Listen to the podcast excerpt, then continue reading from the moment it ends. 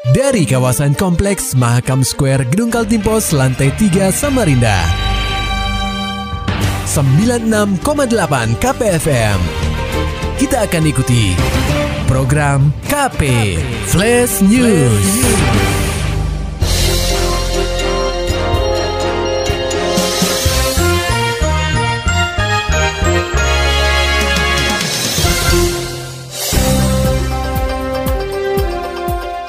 Anda sedang menyimak program KP Flash News bersama saya Agung Pratama. Pendengar RKP Wakil Gubernur Kaltim Hadi Mulyadi menghadiri sekaligus menerima penganugerahan penghargaan penanganan COVID-19 di Aula Dana Pala Gedung Kementerian Keuangan, Jalan Senen Raya Jakarta pada Senin 20 Maret 2023. Penganugerahan penghargaan penanganan COVID-19 diselenggarakan oleh Kementerian Kesehatan dan dilakukan langsung oleh Presiden RI Joko Widodo, serta dihadiri para Menteri Kabinet Indonesia Maju dan perwakilan negara-negara sahabat. Atas nama Pemprov Kaltim, Hadi Mulyadi menyampaikan terima kasih dan apresiasi luar biasa kepada seluruh pihak dan elemen masyarakat Kaltim dalam penanganan COVID-19 di daerah. Selama masa pandemi kurun waktu 2020-2021 hingga 2022, orang nomor 2 di benua etam ini menuturkan bahwa Pemprov Kaltim telah membuat regulasi penanganan COVID-19, juga penegakan protokol kesehatan, bahkan intensif melakukan testing, tracing, treatment, dan vaksinasi COVID-19, serta merealisasi anggaran untuk penanganan COVID-19.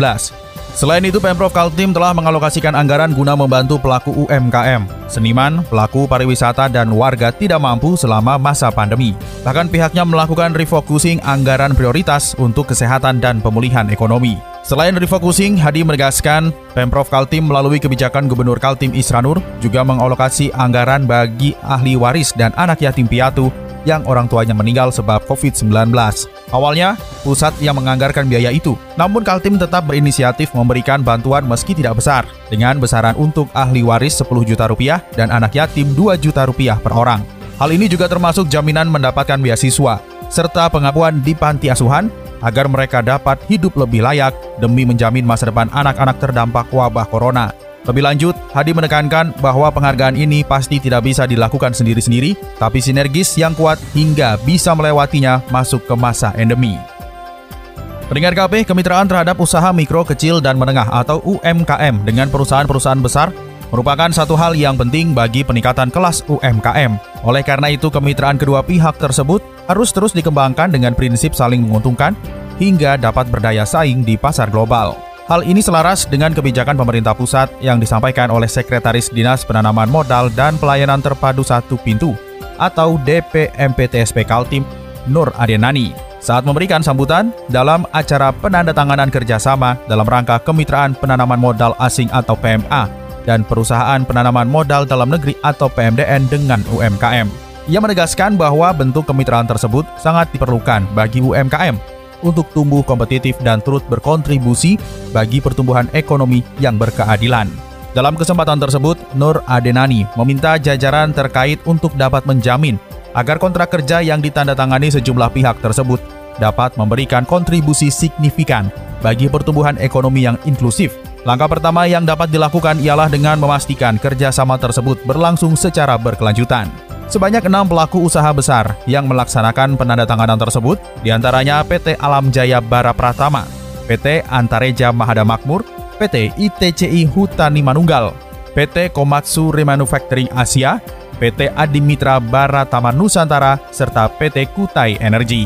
Untuk diketahui, program kemitraan ini merupakan tindak lanjut DP MPTSP Kaltim terhadap sejumlah arahan Gubernur Kaltim dan Kementerian Investasi BKPM atas terjemahan dari program Presiden RI Joko Widodo yang menginginkan adanya kolaborasi atau keterlibatan UMKM dengan usaha-usaha besar demi peningkatan kualitas UMKM dan pemerataan ekonomi. Beralih ke kabar Diskominfo Kaltim beringat KP, Pemprov Kaltim siap berikan reward bagi daerah pengembang komoditas penyumbang inflasi. Laporan selengkapnya akan disampaikan reporter KPFM Samarinda, Muhammad Nur Fajar. Pemprov Kaltim masih mampu mengendalikan inflasi hingga per Januari 2023, yakni mencapai 0,43 persen.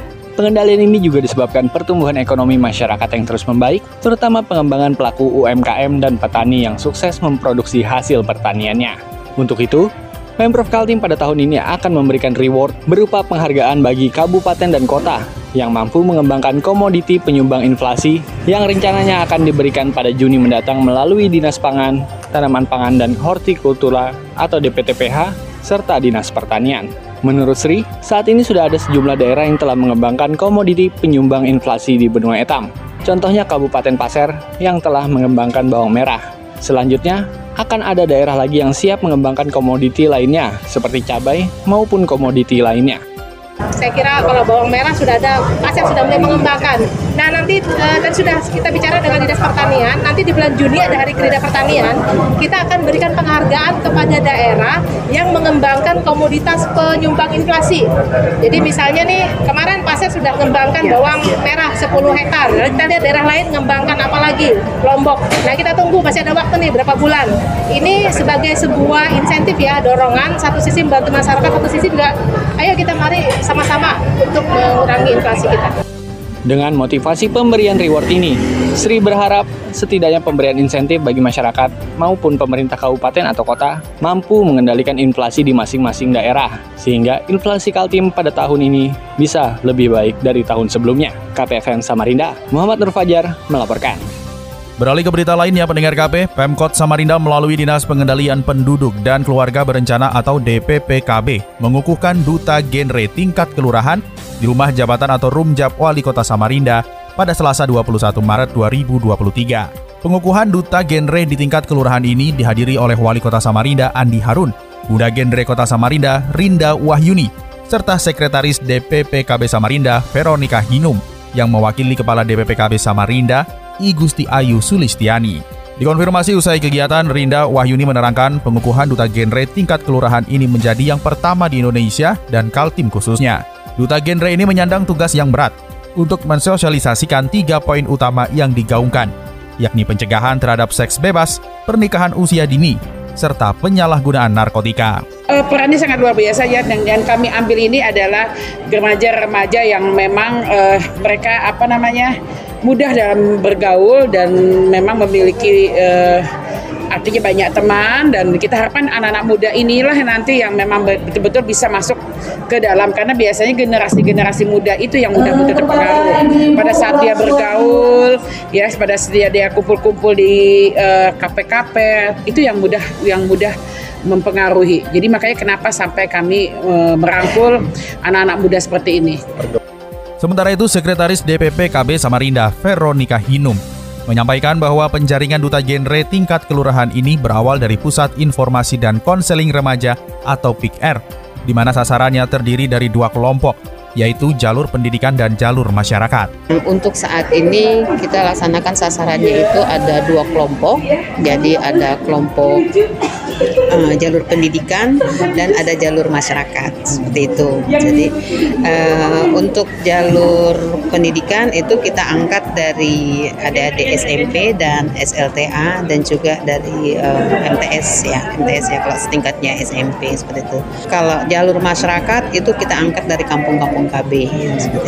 Lebih lanjut, Veronica berharap dengan terbentuknya duta genre di masing-masing kelurahan dapat terbentuk kelompok genre atau kelompok pick R pada semua tingkatan, baik di jalur pendidikan maupun jalur masyarakat. Beralih ke berita selanjutnya, pendengar KP Andi Harun resmi pimpin pencak silat Kaltim, komitmen tingkatkan prestasi. Berikut laporan reporter KPFM Samarinda, Maulani Alamin. Wali Kota Samarinda, Andi Harun mengatakan, Dirinya berkomitmen untuk membawa tim pencaksilat Kaltim meraih prestasi terbaik. Demikian yang disampaikan orang nomor satu di kota tepian itu usai dilantik menjadi ketua pengurus Ikatan Pencaksilat Seluruh Indonesia atau IPSI Kaltim periode 2022-2026. Salah satu yang jadi perhatiannya adalah mengawal pembinaan dari lini terdepan seperti perguruan.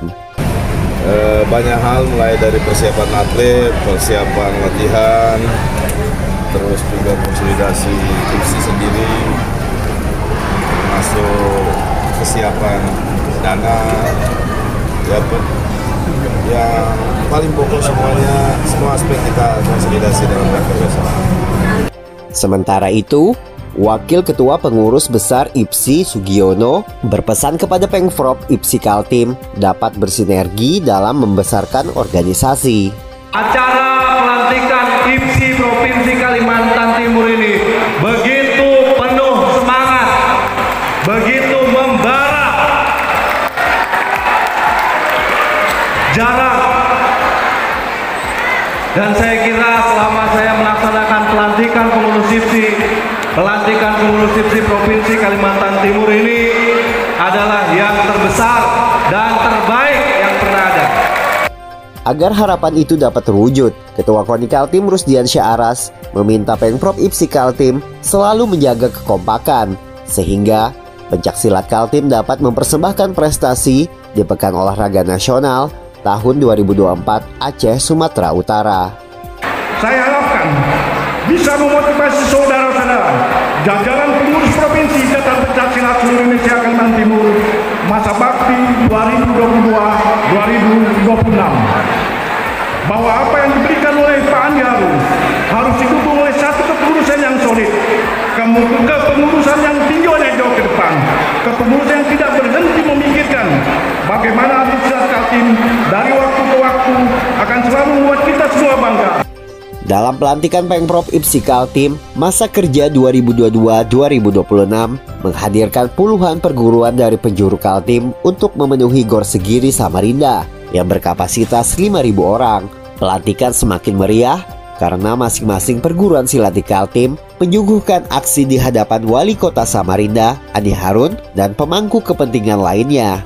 KPFM Samarinda, Maulani Al-Amin, melaporkan. Maulani Alamin, Muhammad Nur Fajar, KPFM Samarinda. Serta dapatkan berita-berita selengkapnya di www.968kpfm.co.id. Demikian tadi telah kita simak rangkaian berita-berita yang terangkum dalam program KP Flash News. Persembahan dari 96,8 KPFM. Terima kasih dan sampai jumpa.